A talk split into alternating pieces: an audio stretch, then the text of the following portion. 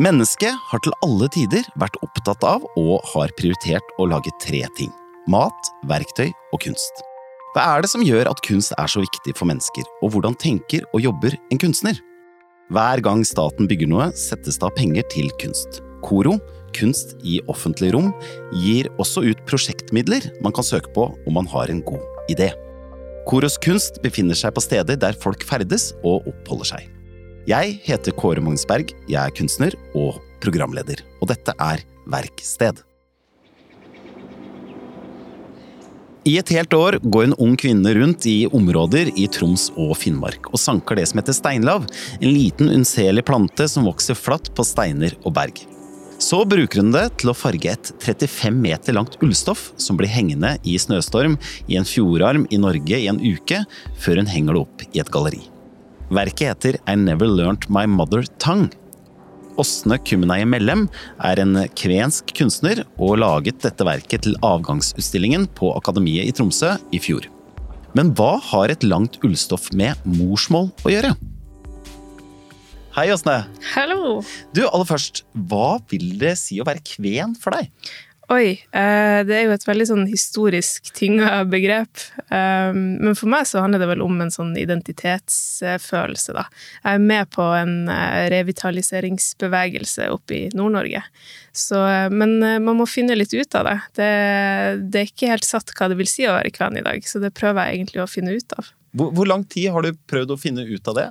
Jeg har jo alltid visst at vi har hatt eh, kvenske røtter i familien og, og, sånt, men eh, det er vel siste, ja, de siste fem, seks, sju årene da, hvor jeg virkelig har begynt å prøve å finne ut at ja, du har det her i kvenske, men hva vil det si, og hvordan kan det være en ressurs da, inn i eh, ja, kunsten og inn i hverdagen? da?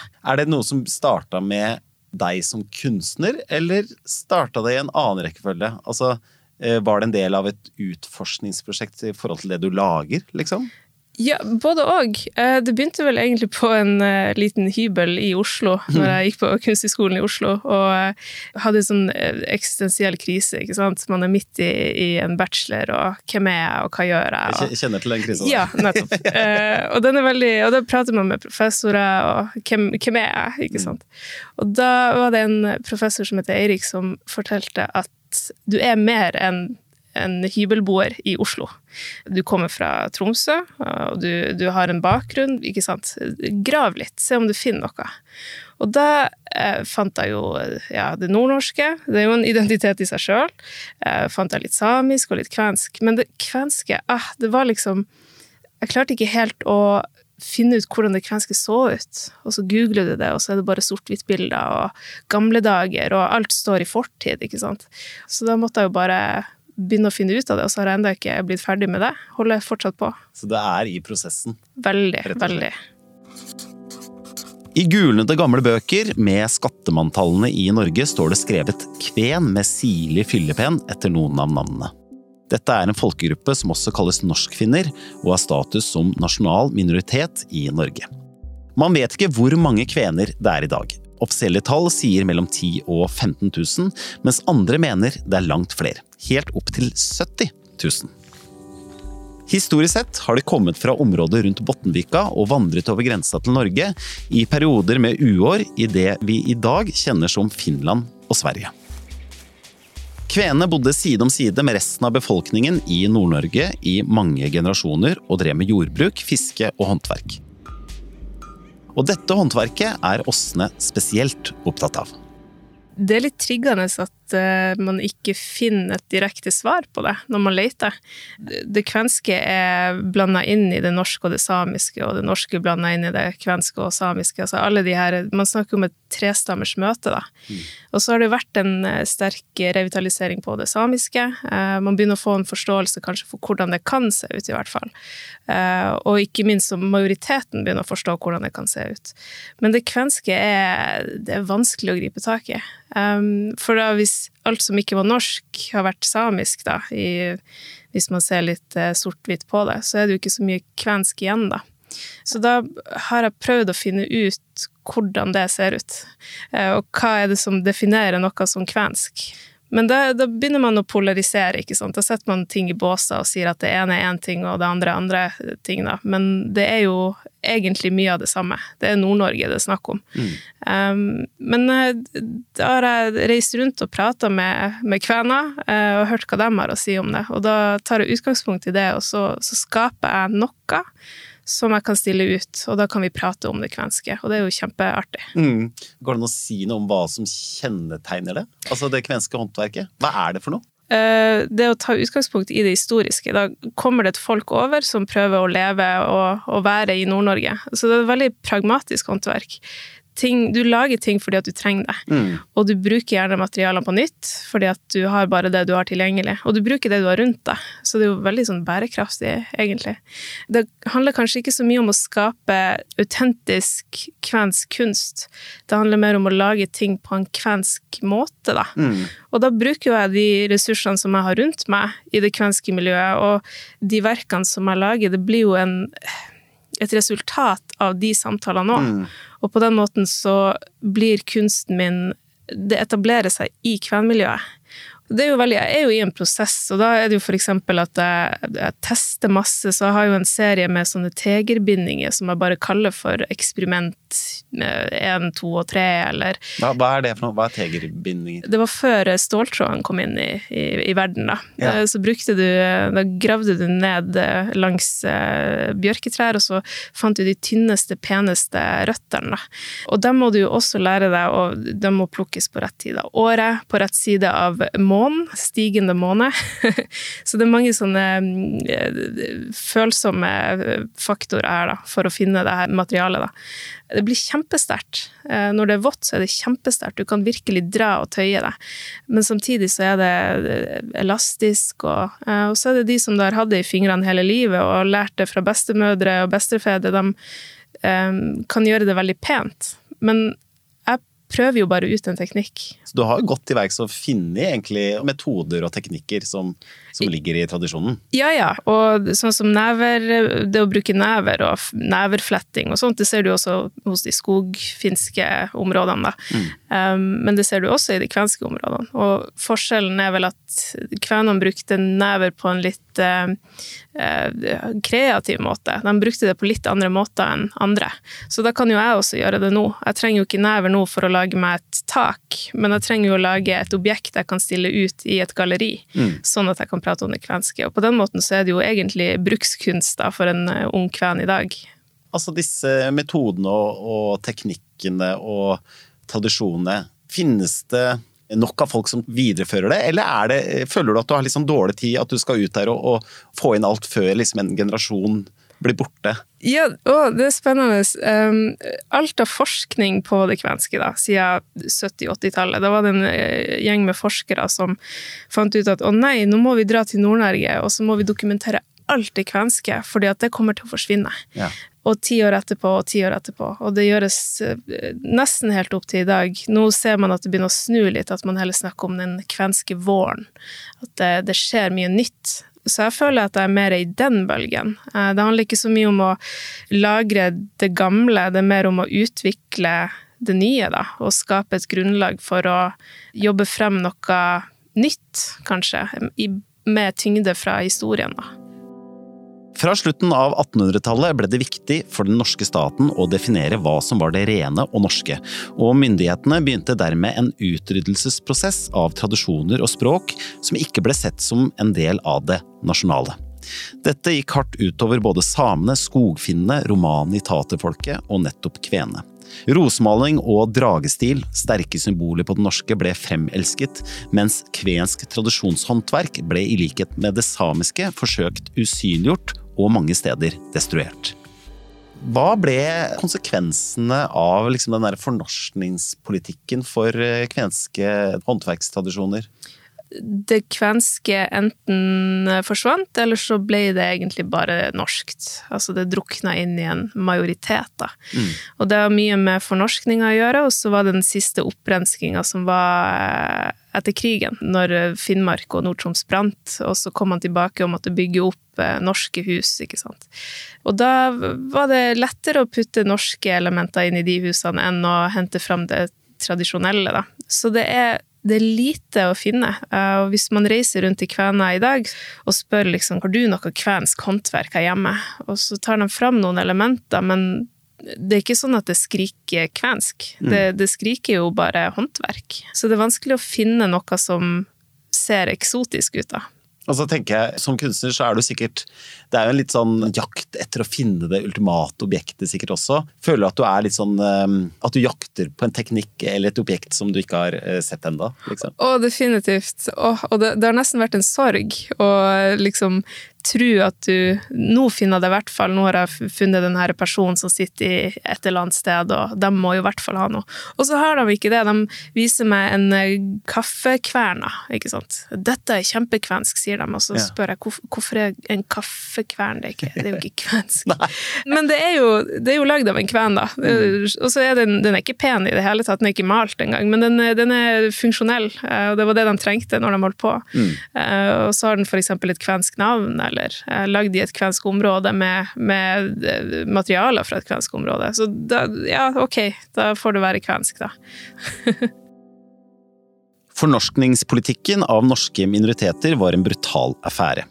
Et av argumentene mot kvenene var at de måtte fornorskes fordi man fryktet den såkalte finske fare.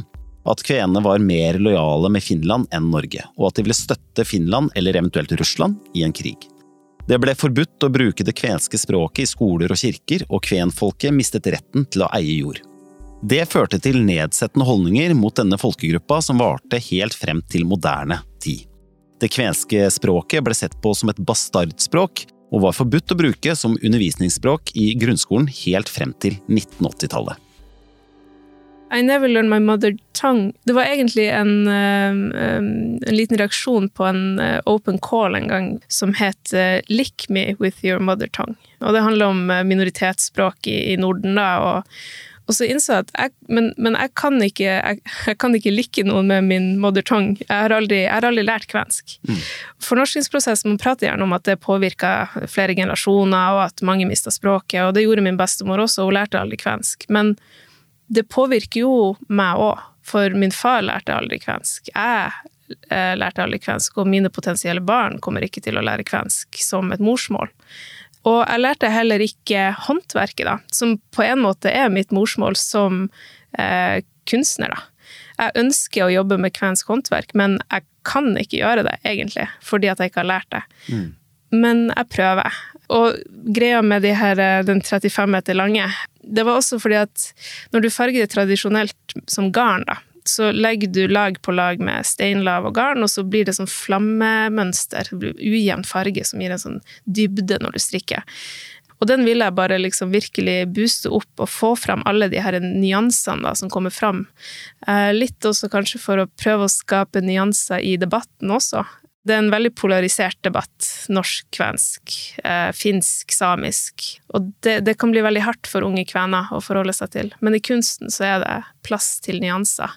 Og du kan også vise nyansene for å skape nyansene. Er det, er det andre unge folk som er opptatt av å, å videreføre tradisjonene, eller sette sitt preg på liksom, kvensk håndverkstradisjon og kultur? Ja, eh, det har vel begynt litt man, jeg kan kanskje si at jeg er en av de første, da. det er veldig hyggelig. Og det, det, vil jo også si at jeg skaper veien mens jeg går, alle de her metaforene. Da. At eh, hvis man ikke vet hvordan kvensk samtidskunst og samtidshåndverk ser ut, så, så kan jo jeg egentlig gjøre hva jeg vil. Mm. Um, men det har blitt mer og mer um, plass til det, føler jeg. Uh, vi starta jo i fjor Kvensk kunstnerforbund, Eh, hvor vi er inntil videre tre kunstnere, men vi håper på flere. Og det handler jo om å få inn en eh, kompetanse, da. At vi er ikke bare folk som har veldig lyst, men vi har også en kompetanse og en eh, kunnskap og et fagfelt da, som vi ønsker å utvikle. Og på den måten så kan vi kanskje inspirere andre til å gjøre det samme. Bruke utdanninga si, bruke sine plasser i livet da, til å forme det kvenske til hva det kan være i dag. I kunstverket I Never Learned My Mother Tongue har Åsne brukt nettopp kvenske håndverkstradisjoner som ull og plantefarging.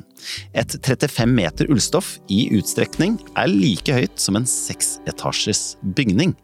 Jeg må høre litt om prosessen bak dette verket. Eh, hvordan gikk du frem eh, med å farge det? Bare det, altså det er jo et veldig langt stoff.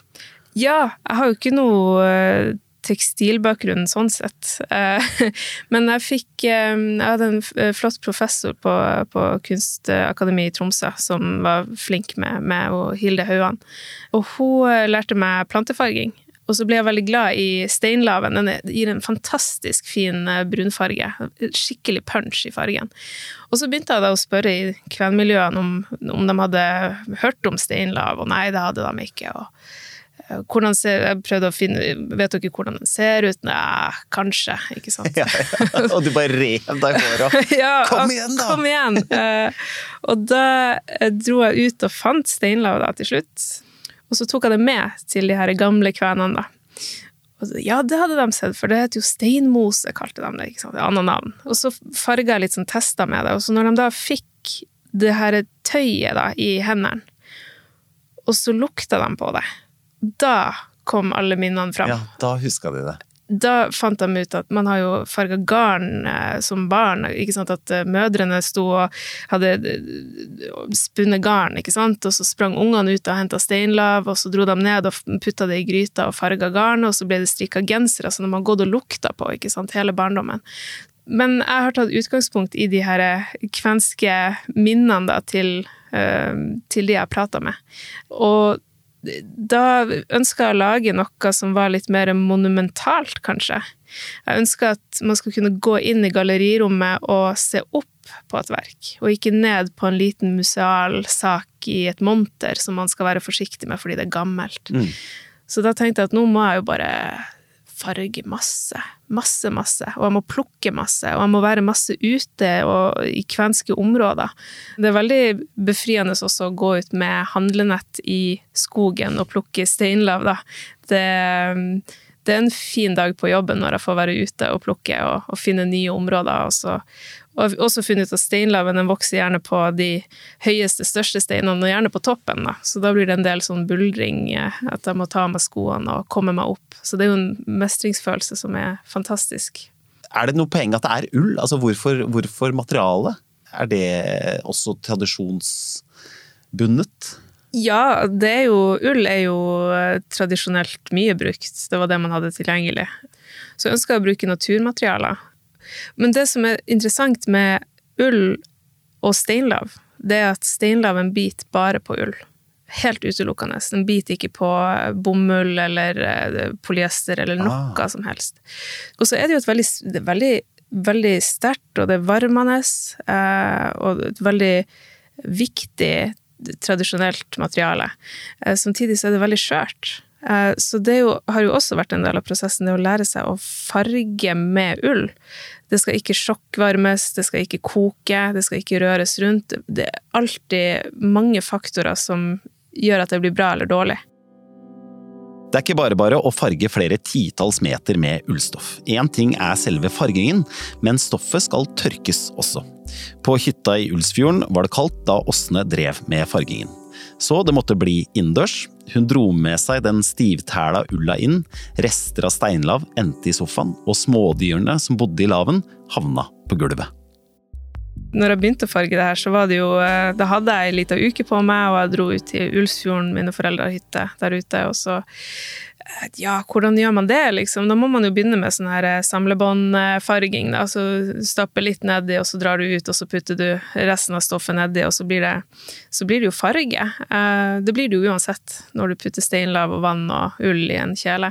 Um, problemet var jo ikke egentlig å farge det, problemet var jo å tørke det, for det var jo snøstorm. uh, så det hang jo ute, og det stivna, det ble helt Så det plut, altså plutselig en 35 meter lang uh, ullfrossen klump, da, mm. uh, som du skal tine, og så skal det tørkes, og så er det fullt av steinlav, og uh, veldig tålmodige folk rundt meg. Det har vært veldig mye søl og gris. Um, ja, for da dro du hele denne isklumpen da, inn igjen i hytta, ja. som måtte tine ja, og der det her, inne? Ja, og det her er jo også etter at jeg har samla masse steinlav som har tørka inne i denne hytta med alle dyr og kryp som kryper ut av denne steinlaven.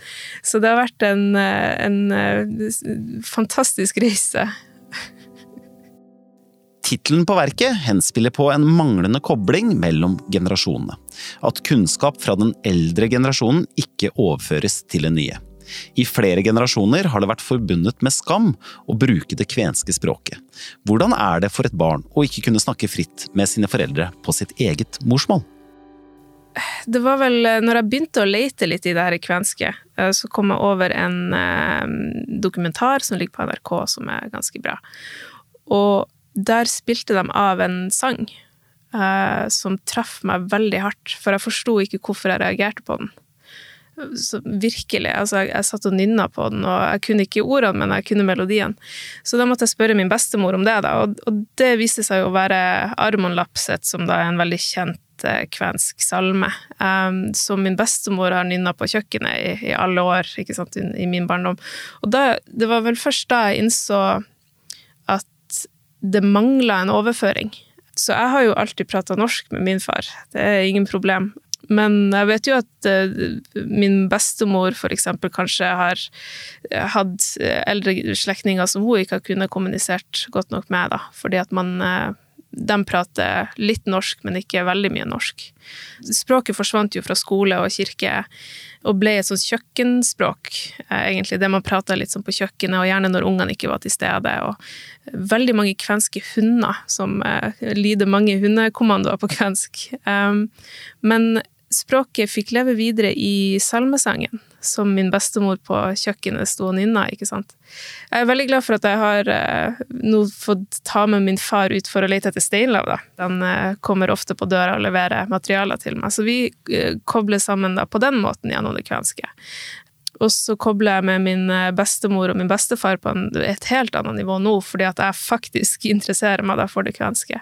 Så, så, det blir jo en ny måte å sy generasjoner sammen på. Mm. Ja, og hva, hva, sier dine besteforeldre om at du nå eh, som kunstner forsker i liksom, det kvenske, eh, kvenske tradisjonen, Blir de stolte, liksom? Merker du at de Ja. Ja, de blir stolt. Det var vel først jeg fikk eh, støtte fra Kommunal- og moderniseringsdepartementet. Det er jo litt sånn ekstra mm, pengepotter for, eh, for nasjonale minoriteter. Og så ringte jeg dem, og de, de flirte og var lykkelige, fordi at jeg hadde opplevd noe positivt. Så det er noe med å vise dem også at alle de negative kampene de har hatt, da, eh, hvor de har krangla med politikere og, og følt seg oversett, eh, at alle de seige kampene har hatt en positiv virkning. Og der sitter jeg og får høste fra, fra deres um, kamper. Det er veldig, veldig fint. Når du går inn i, i, kvenske, i den kvenske kulturen og tradisjonene, er du redd for at du skal gjøre noe gærent? Altså at det er noen eldre generasjoner som ikke er enig i hvordan du tenker å videreføre kulturen på? Ja, veldig. Uh, og det, det jobber jeg med hele tida. Uh, når jeg setter opp utstillinger, når jeg jobber med prosjektbeskrivelser. Alt som kommer ut denne podkasten. Og det ene er jo eksempel at jeg tar et bevisst valg om å kun si kvensk, at jeg er en kvensk kunstner. Men i, formelt så er jo den nasjonale minoriteten er jo kvensk skråstrek norsk-finsk. Fordi alle identifiserer seg ikke med kvenbegrepet, og det er veldig stigmatisert historisk. Så jeg gjør jo alltid valg hele tiden. Men er det sånn at du trer du varsomt med deg og for deg selv at du ikke tråkker over noen grenser, eller må du liksom dobbeltsjekke litt med noen og si sånn Er det greit at jeg gjør det? Ja. Eller kan jeg gjøre det? Og veldig. Og spesielt um, Jeg er jo um, ikke uh, flytende sekvensk, for eksempel. Så det er veldig ofte at jeg, jeg, må gå til de jeg føler er mer superkven da, enn meg, hvis man skal si det. Så de som for eksempel prater språket og, og har vokst opp med en veldig tilhørighet til det da, i, i oppveksten.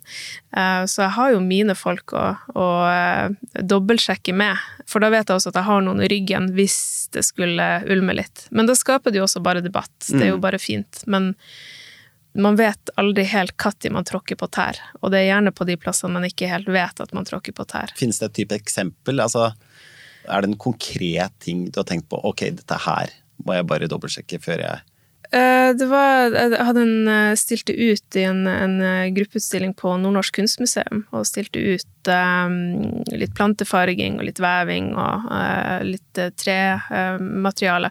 Uh, myk og hard gassitu, eller mykt og hardt uh, kvensk håndverk. Da. Mm. Og da fikk jeg en del meldinger etterpå at nå drev jeg og tråkka inn i samisk territorium, for eksempel. Ai, ja. Og det har jeg jo ikke lyst til, egentlig. Og, og, jeg er jo, per definisjon, så er jeg sikkert like mye same som jeg er kven, sånn sett. Men jeg, jeg har valgt den kvenske retninga. Jeg føler at der er det mer for meg å søke igjennom. Men uh, så man er hele tida enten inn i det kvenske miljøet, eller inn i det samiske eller det norske, så er man usikker. Og det tror jeg det er veldig mange unge uh, kvener som har erfart, og derfor valgt en annen retning. Det er mye lettere å være en uh, norsk uh, bibliotekar enn å være en kvensk politiker, eksempel. Så da er det lettere å ta sånne yrkesvalg, eksempel, og det er fullt forståelig. Det er jo hjerteblod. Det er jo det er en del av din egen identitet som du skal vise fram. Og det er sårt, altså. Det er skikkelig Du har mye kamper med deg sjøl også, og, og familien òg kanskje, som ikke er helt enig med det du holder på med. Det er slitsomt å holde på med, og skal drive og definere noe som veldig mange har veldig sterke meninger om. Men du har tatt på deg den, eh, den jobben, da? Ja. Trives jo med det. Men så er det jo eh, Jeg håper det kommer flere kvenske kunstnere på banen. I Vadsø i Finnmark skal nå Statens hus gjennom en stor rehabilitering, og har invitert to unge kunstnere til å lage kunst til bygningen. En av dem er Åsne. Oppdraget er kalt De tre stammers møte, fordi dette området nettopp er preget av tre kulturer. Den norske, den samiske og den kvensk-norsk-finske. For kvener og samer i Norge er staten ofte forbundet med usynliggjøring og undertrykkelse. Hvordan er det nå da å skulle arbeide med det kvenske på oppdrag fra nettopp staten? Ja, det, mine besteforeldre flirte godt. og det er jo litt sånn eh, Kvenmiljøet er jo fortsatt litt i opposisjon, og det handler om eh, penger og, og midler, og, og, det er for lite midler. Det, men det er jo flott å kunne skape en sånn åpen dialog, da. Og det er jo det kunsten også kan gjøre. Det, det, det, handler ikke om politikk lenger, da. Det handler om et visuelt uttrykk. Og så den utsmykninga som jeg jobber med, med plantefarging også. Eh, hvis du ikke er klar over den kvenske konteksten, så vil det oppfattes som et hvilket som helst annet eh, kunstverk. Og det syns jeg også er litt behagelig, at jeg, jeg kan jobbe med en eh, deeksotifisering, hvis det gir mening. Mm. Du har jo det her begrepet dekolonialisering. Det som har vært galt, det skal du prøve å gjøre godt igjen, og, og da skal staten på en måte bøye nakken og si unnskyld og, og, og ordne. Og det jobbes jo eksempel med blant eh, Sannhets- og forsoningskommisjonen, som driver og eh, undersøker samisk og kvensk og norsk-finsk og skogfinsk skogfinsk urett som er gjort. Men i stedet for å det dekolonialisere, så kan man jo også jobbe opp mot å um, finne ut hvordan minoriteter i Norge kan bidra inn. Og det handler ikke om oss og dem, det handler om at vi er en felles gruppe, da. Um, og at uh, det, det, norske da, kan også gjøre godt av å få inn noe kvensk eller samisk eller norsk-finsk. Og den dialogen liker jeg bedre enn en sånn her uh, dere har gjort noe galt, og dere må gjøre rett. Eh, her handler det om at Statens hus skal bygges, og de ønsker at innsida skal reflektere utsida, og det vil jeg veldig gjerne være med på. Og så får vi se hvordan det går. Og hva, hva er prosjektet nå i Statens hus? Er det en videreføring av eh, det 35 meter lange Eh, verket? Ja, nå er jeg vel oppe på 72 meter. Oh, ja. det er gøy. Ja. Det blir bare lenger og lenger. det blir det. Så det skal lages en, en tekstilutsmykning eh, av det, da. Når kan man se uh, verket ferdig på Statens hus i, i Finnmark? Det skal uh, monteres i august, og så er det jo et offentlig bygg, så da må man jo bare ta turen. Og Vadsø er jo kvenhovedstaden, så det er jo veldig mye fint å se der.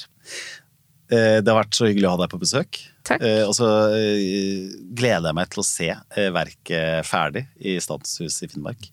Og så sier jeg, som jeg pleier å si i denne podkasten, da sier jeg eh, lykke til med livet generelt og kunstnerskapet. Åsne.